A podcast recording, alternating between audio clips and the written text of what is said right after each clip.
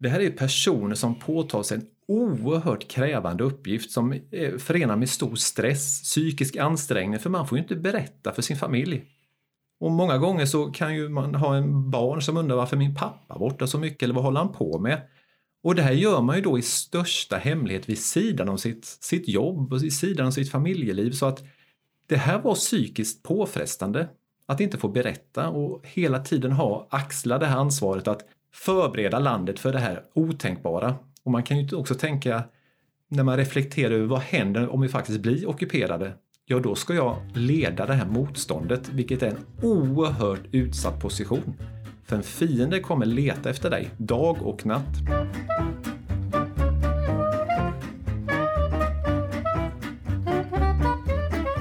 Din podd på jorden är Kulturparken Smålands podd om Kronoberg. Här pratar vi om stort som smått inom länets kulturhistoria, från forntid till nutid.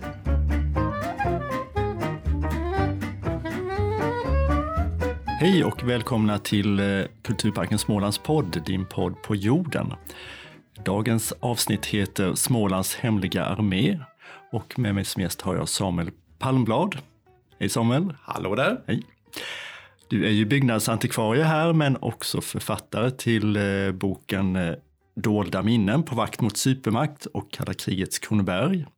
Du har också fått Hallenblads utmärkelse från eh, Linnéakademins forskningsstiftelse. Och eh, inte minst så har du då forskat och läst och föreläst om kalla kriget och beredskapstiden då kanske framför allt.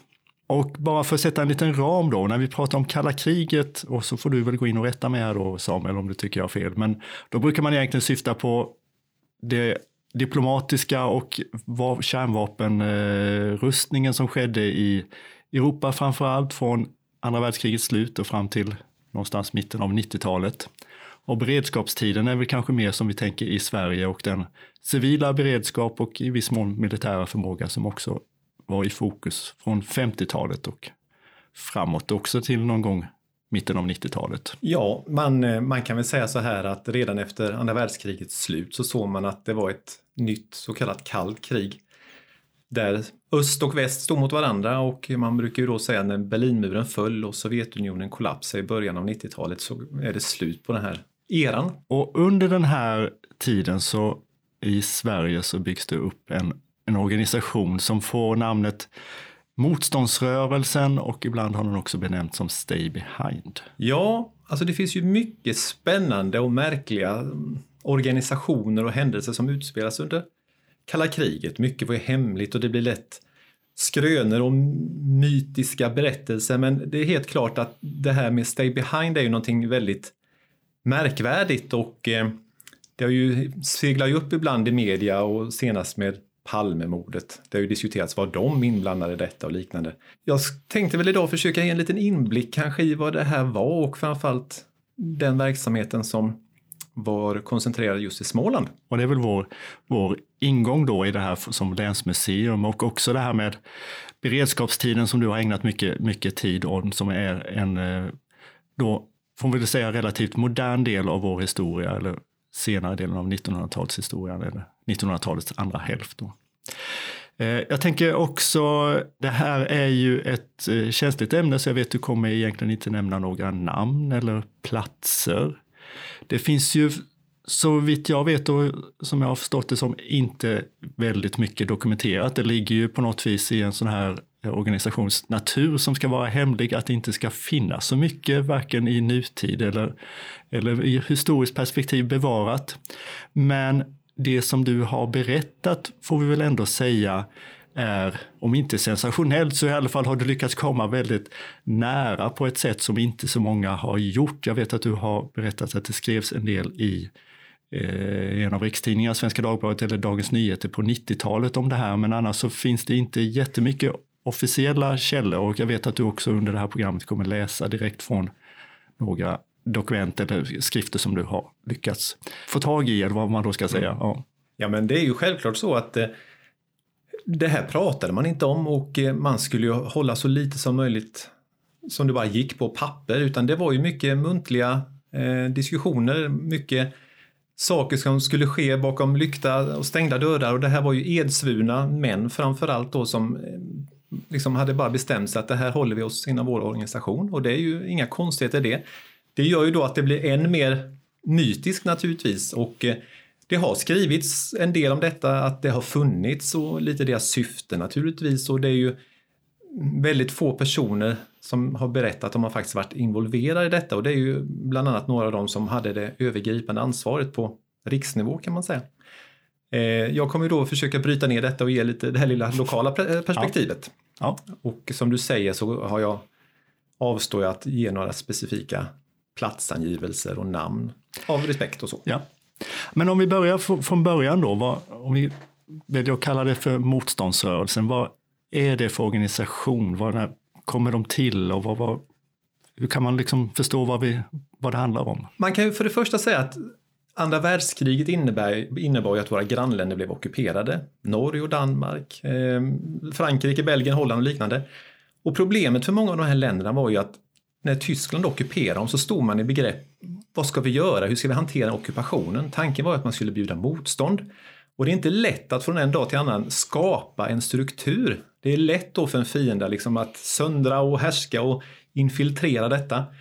Eh, man såg ju också hur Sovjetunionen snabbt då ockuperade stora delar av Östeuropa och de här lärdomarna tog man ju till sig i Sverige. Man insåg att det, det, finns en risk för ett tredje världskrig och vad händer då i Sverige om vi inte liksom lyckas stoppa det här angreppet? Ja, i förlängningen kan vi då bli ockuperade. Och då var ju grundtanken att man redan i fred ska bygga upp ett skelett, alltså en grundstruktur, där det finns personer som då kan aktiveras för att då möjliggöra ett motstånd även i samband med ockupation. Och då är tanken att de här personerna kan man lita på. De har liksom fått ett grunduppgifter och man kan liksom relativt smidigt starta upp den här verksamheten, vilket var väldigt svårt i Norge och Danmark för att man, många blev ju avslöjade. Det var snabbt påkommet och ja, då är det lika bra att man förbereder detta i fred. Det var ju en stor skräck för Eh, kommunismen på många sätt och vis. Man trodde ju att det som hände i Östeuropa kunde hända i Skandinavien och USA och NATO såg väldigt positivt på att man startade någon typ av sån här organisation för tanken var ju att om vi blir ockuperade och vi skulle bli befriade, ja då måste ju vi få hjälp utifrån och det är inte så lätt att få hjälp om inte det finns någon struktur då på plats. Så man kan säga att det här med Stay Behind, det startades upp i NATO-länder och även i neutrala Sverige med syfte att kunna bjuda motstånd och möjliggöra hjälp helt enkelt. Och det är ju en, en väldigt delikat eh, och spännande del av ja. efterkrigstiden. När eh, i tid eh, startade här i, i det småländska området och som du har tittat på? Jag kommer ju då försöka ge en liten bild av den man som fick uppdraget att leda organisationen i den här delen av Sverige. Och eh, man ska tänka sig så också att man ska inte föreställa sig, vad ska man säga, James Bond-typer eller Hamilton-typer, utan det här är normala civila människor med jobb, med familj, gärna med stora kontaktnät, gärna personer med förtroendeposter i samhället, gärna företagsledare som reser omkring och naturligt kan träffa människor och även resa utomlands utan att det då skulle väcka uppmärksamhet. Och för att rekrytera en sån person så måste man ju naturligtvis vidta väldigt stora förberedelser. För tanken är att när man då väl frågar en person så ska man ju inte förvänta sig ett nej utan då har man liksom klarlagt att den här personen är lämplig, förtroendefull, har kontaktnät, kan resa omkring och liksom brinner för uppgiften. Mm. Och eh, den mannen då som fick bland annat Småland som ansvar, det är en typisk sån, vad kan man säga, stay behind-profil som passar in i den här ramen. Och jag tänkte nu då faktiskt läsa ett brev som den här mannen får och som då kan man säga vänder upp och ner på hans liv. Och man ska också ha med sig det här när man pratar om den här tiden att det här är personer som påtar sig en oerhört krävande uppgift som är förenad med stor stress, psykisk ansträngning för man får ju inte berätta för sin familj. Och många gånger så kan ju man ha en barn som undrar varför min pappa borta så mycket eller vad håller han på med? Och det här gör man ju då i största hemlighet vid sidan om sitt, sitt jobb och vid sidan om sitt familjeliv så att det här var psykiskt påfrestande att inte få berätta och hela tiden ha axla det här ansvaret att förbereda landet för det här otänkbara. Och man kan ju också tänka när man reflekterar över vad händer om vi faktiskt blir ockuperade? Ja då ska jag leda det här motståndet, vilket är en oerhört utsatt position. För en fiende kommer leta efter dig, Ja. dag och natt. Bara det är ju en ansträngning i sig. Men den här småländske mannen då får 1951 ett brev från arméstaben. Och jag tänker då läsa högt ur det. Genom en av mina officer, officerskamrater har jag hört talas om edert intresse för svenska försvarsproblem. Icke blott det för stunden. Det skulle för mig vara av stort värde att med eder få diskutera vissa förhållanden som kan bli avgörande i framtiden.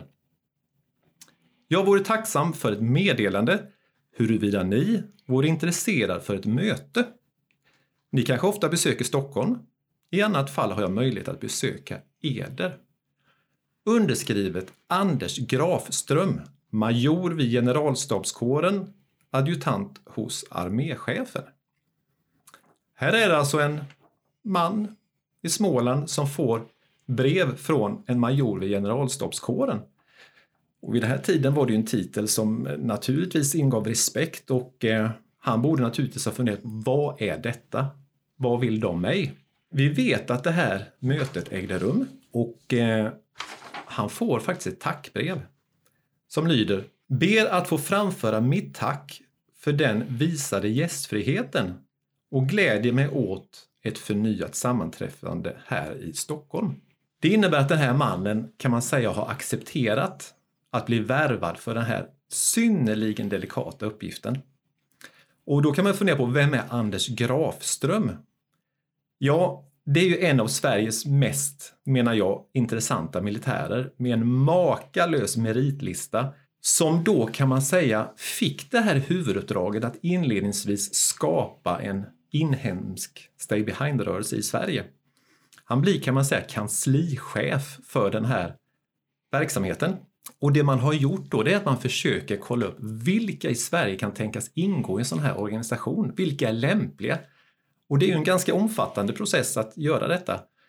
Och den här mannen nu låter sig bli intervjuad av den här Gravström.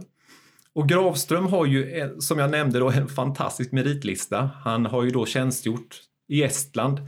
Han har varit verksam i finska vinterkriget, finska fortsättningskriget. Han har varit biträdande militärattaché i Moskva och senare gör han en otrolig militär karriär. Och han har stora kontaktnät. Han har fått möjlighet att på plats studera den amerikanska armén, den engelska armén, norska armén, danska armén. Och hade han nu fått möjlighet att visa upp sina ordnar och medaljer här i studion så skulle man faktiskt bli ganska imponerad. För det är en imponerande mängd ordnar han har fått från bland annat Finland, Norge, Danmark, Estland, Etiopien fick han väl något och även svenska ordnar av eh, riktigt fin rang. Så det här är en person som man nog får säga är ganska väl lämpad att starta upp den här verksamheten och eh, den här Grafström gjorde sig känd för ganska spektakulära uppdrag under de här finska krigen mot Sovjetunionen. Ja, vad ska nu då den här mannen i Småland göra? Jo, nu ska han ju börja bygga upp en struktur. Och nu på samma sätt som Grafström sökte lämpliga kandidater för då de här regioncheferna så ska ju då man i sin tur börja leta människor som ska ingå i sin regionala organisation. Mm. Mm. Vilka kan tänkas sitta på någon typ av chefstjänster? Vilka kan tänkas ingå som fältarbetarna så att säga? Och jag tänkte jag skulle eh, läsa återigen här för att tanken är ju då också att man ska värva vanliga människor. Som sagt, sådana personer som har gärna förtroendeposter, som är vana att röra sig i samhället, kontaktnät, eh, ja på alla sätt och vis trovärdiga. Och när man jobbar med den här verksamheten och man hittar en lämplig person som man tror, då gör man ju personkontroll och det skickas då till Säkerhetspolisen och Försvarsstaben och så kollar man upp vad det här är för en figur egentligen. Och några av de här blir då kontaktade för att man vill ju besätta de viktiga eh, tjänsterna om man säger. Men många kommer förmodligen inte bli kontaktade utan det är först i samband med att det aktiveras som man vänder sig till dem att du är utsedd till att genomföra de här uppdragen eller du ska ingå i detta och då vet man att de här är trovärdiga och lämpliga. Gör man även en politisk kartläggning här tror du? Vad åsikter och sådär i den mån man kan spåra det? Med absolut största sannolikhet. Eh, och eh, till den här staben då som var knuten till den här regionen så ville man ju ha en militär också, en militär instruktör, det är ju lämpligt. Och eh, då tittar man på infanteriregementena här i Småland, Eksjö och Växjö. Fanns det någon där som kan vara lämplig? Av att olika skäl ingår i detta. Och då har man då hittat två personer. Jag kommer också läsa högt här. Då skriver man så här. Det var två kaptener. Den förstnämnde är synnerligen offensiv och frän. God instruktör. Den senare beräknande, hård, kunnig och lämnar inget åt slumpen. Om någon av dem blev värvad, det vågar jag inte svara på. Men det var så här man höll på. Ett evigt, evigt rekognoserade som den här mannen då fick göra på sin fritid. Man ska nu också då tänka att det är ett ganska stort område han ska ansvara för. Det är många grupper som ska organiseras och eh, man ska också då kartlägga var finns det strategiska platser som eventuellt då måste förstöras när en fiende ockuperar. Var finns det viktiga industrier? Och eh, var ska man leda den här verksamheten ifrån? Man behöver alltså konkreta stabsplatser och uppehållsplatser, man behöver förråd. Så det här var ju någonting som tog jättemycket tid och jag vet att bara under en söndag så åkte den här mannen 51 mil, nu pratar vi tidigt 50-tal, för att rekognosera och ofta tog han med sig sina barn. Och de visste ju inte varför han åkte där och gjorde det.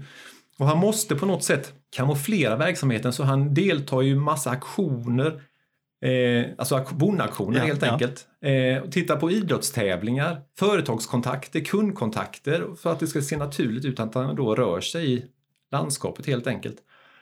Och det här är ju ansträngande för han har ju ett familjeliv, han har sina företag, han har sina förtroendeposter och det här märker man att det tar ju oerhört på krafterna.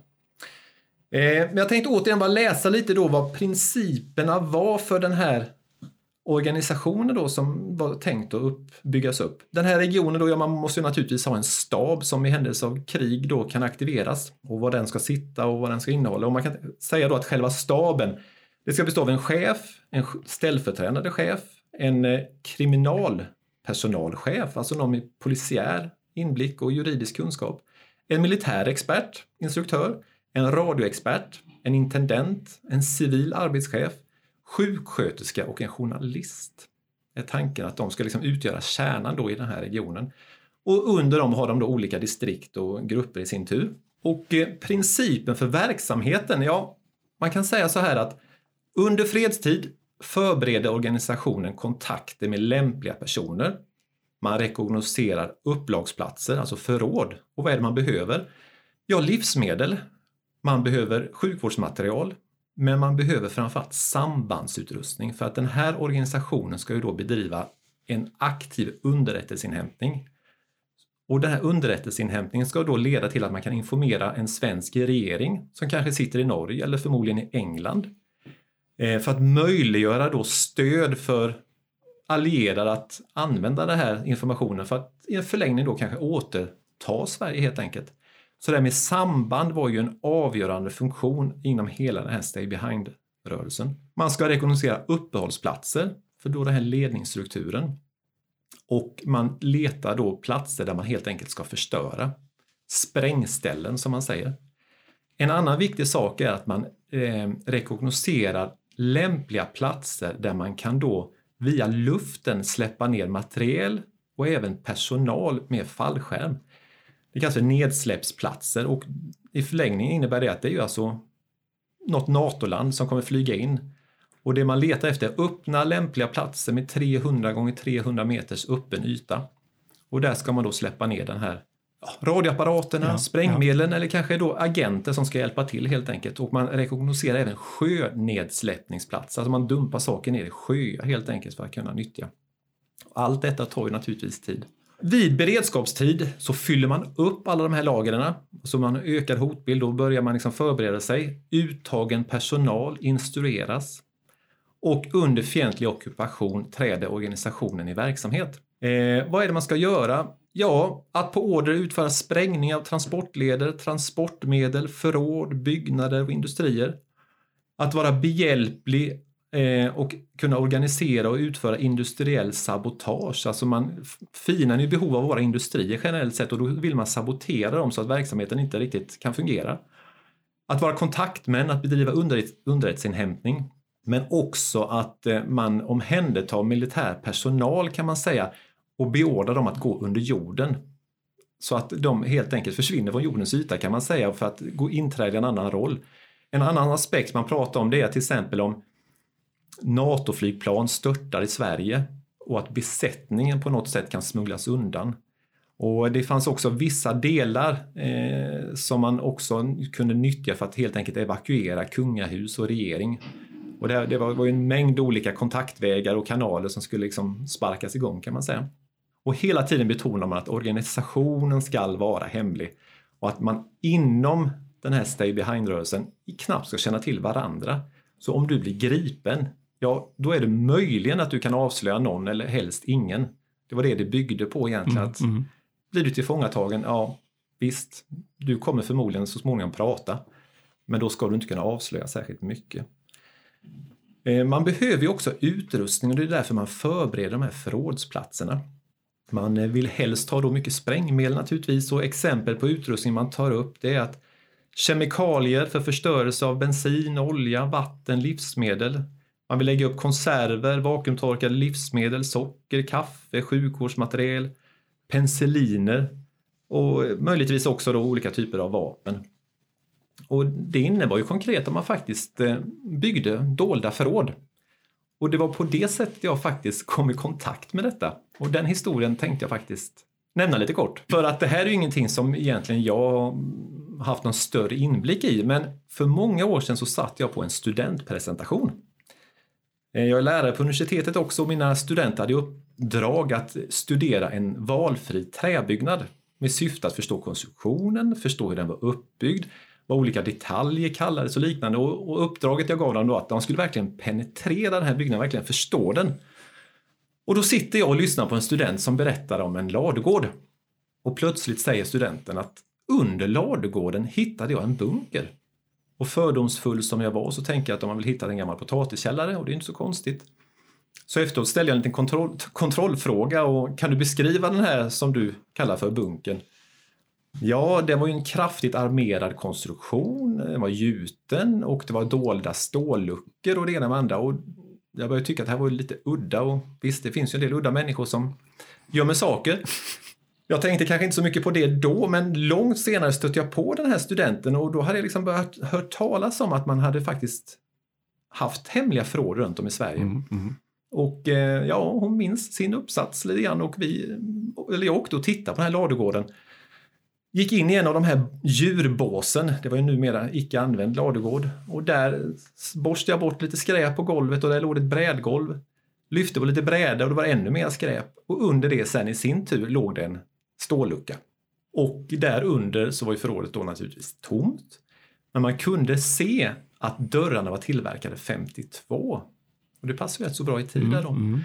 Och det här var ju en av de här platserna som man hade förberett för att kunna lagra upp, eller man hade faktiskt förrådsmaterial på plats. Och det här var ju naturligtvis väldigt spännande och genom ett ganska komplext pusselarbete och fick lite hjälp av en initierad skribent så gick det liksom delvis att få ihop den här verksamheten så att säga. Det finns ju väldigt mycket vi inte vet. Och eh, jag ska inte säga att jag sitter och kan allting, för det kan jag absolut inte, men att de fanns, att det fanns en struktur, att man hade förberett stabsplatser, man hade delat upp Småland i distrikt, man hade utsett förrådsplatser, man hade utsett platser där man kunde släppa ner materiel och personal. Eh, det fanns liksom en uppbyggd, uppbyggda sambandsvägar som man kunde då prata med Stay Behinds högre ledning exempelvis, som i sin tur förmodligen hade kontakt med en svensk regering utomlands eller allierade styrkor om man säger så. Och det här är ju en, det är ju en spännande historia men jag tänker ju hela tiden på den här mannen som la ner så ofattbart mycket tid. Mm. Och ingen tackade honom direkt och hans familj förstod ju inte detta heller för den delen. Man anar också att det här är så psykiskt påfrestande så att när han närmar sig pensionering då vill han ju helt enkelt avbryta detta. Ja. Och, Går det? Eh, ja, det är en bra fråga. Går det att bara säga tack och hej? Uppenbarligen så gick det för att det vi vet är att till det här lilla småländska samhället så kommer det två generaler från Stockholm. Och det är ju på något sätt statens tack, för då bjuder, bjuds det på middag på Stadshotellet. Och det är en ganska stor sak att två generaler kommer på besök, men han, det är ju inte som så att man skriver i tidningen Tack för din oerhörda insats för Nej, riket. Nej. Eh, Du har gjort någonting makalöst. Du har eh, försakat en stor del av din fritid för att göra oerhörda, mycket, oerhörda planläggningar. Leta människor, leta eh, platser för allehanda slag. Så det var det tacket. Och han fick ju leva med att, ja, jag vet att jag har gjort någonting speciellt. Några ytterst få i Sverige vet också om det. Men det får vara så. Ja.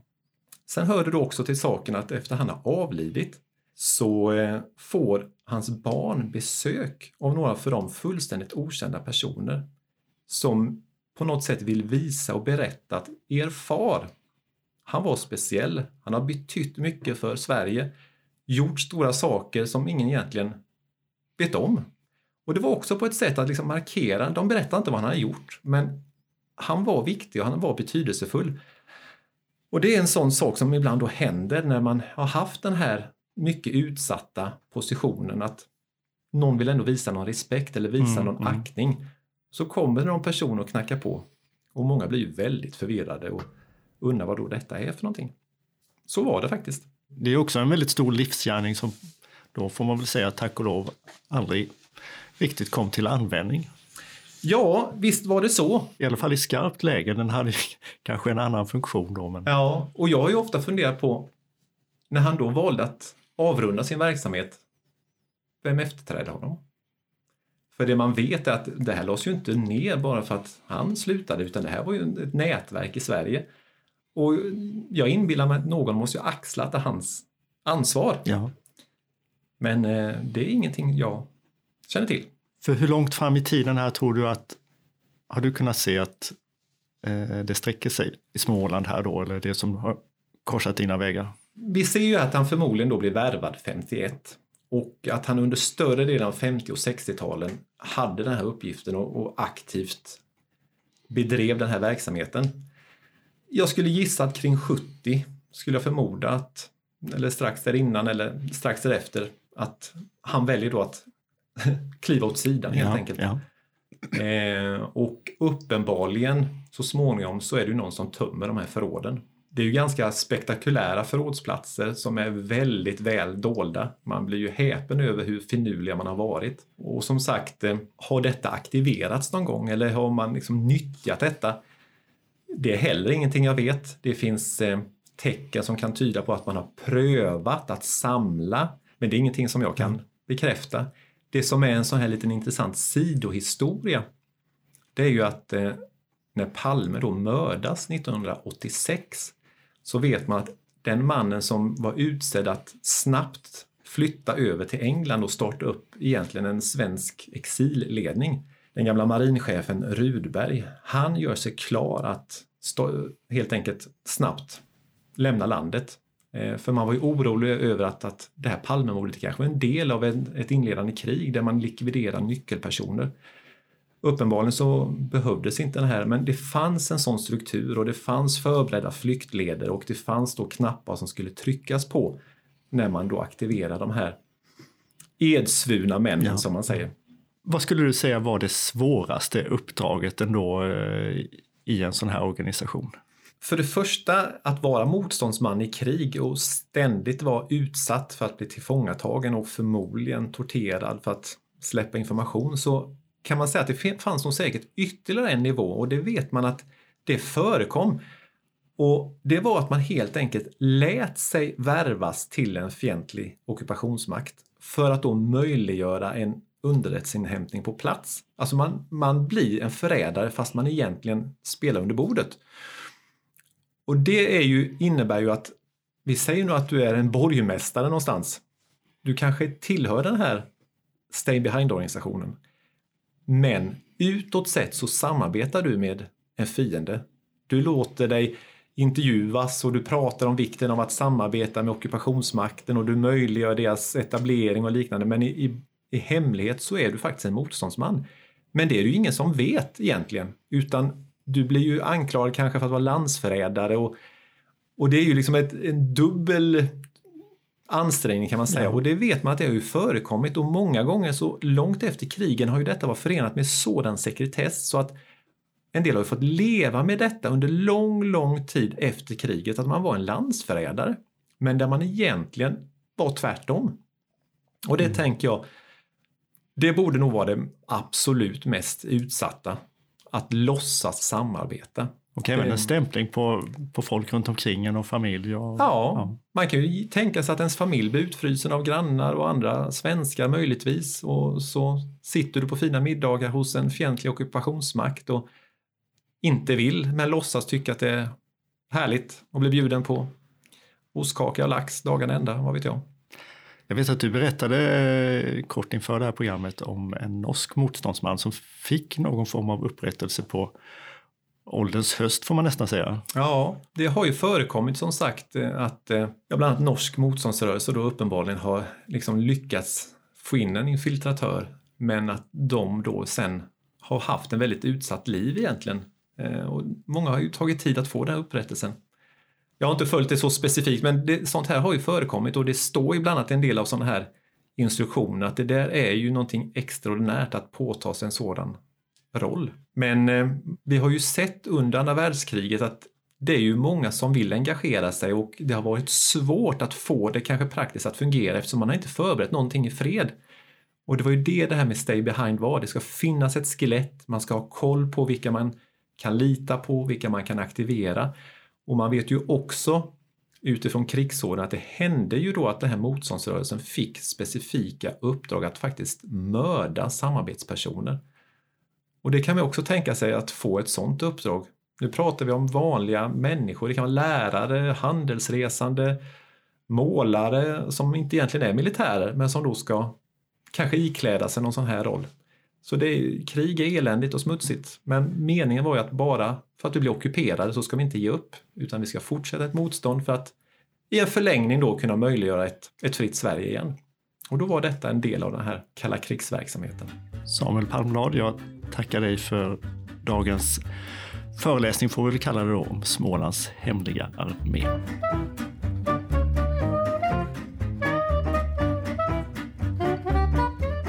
Du har lyssnat på din podd på jorden och förutom Samuel som har berättat här så har vi haft eh, teknik, har Katja Kiviniemi och eh, Kim Bovander Lindstedt eh, stått och jag heter Petter Eriksson.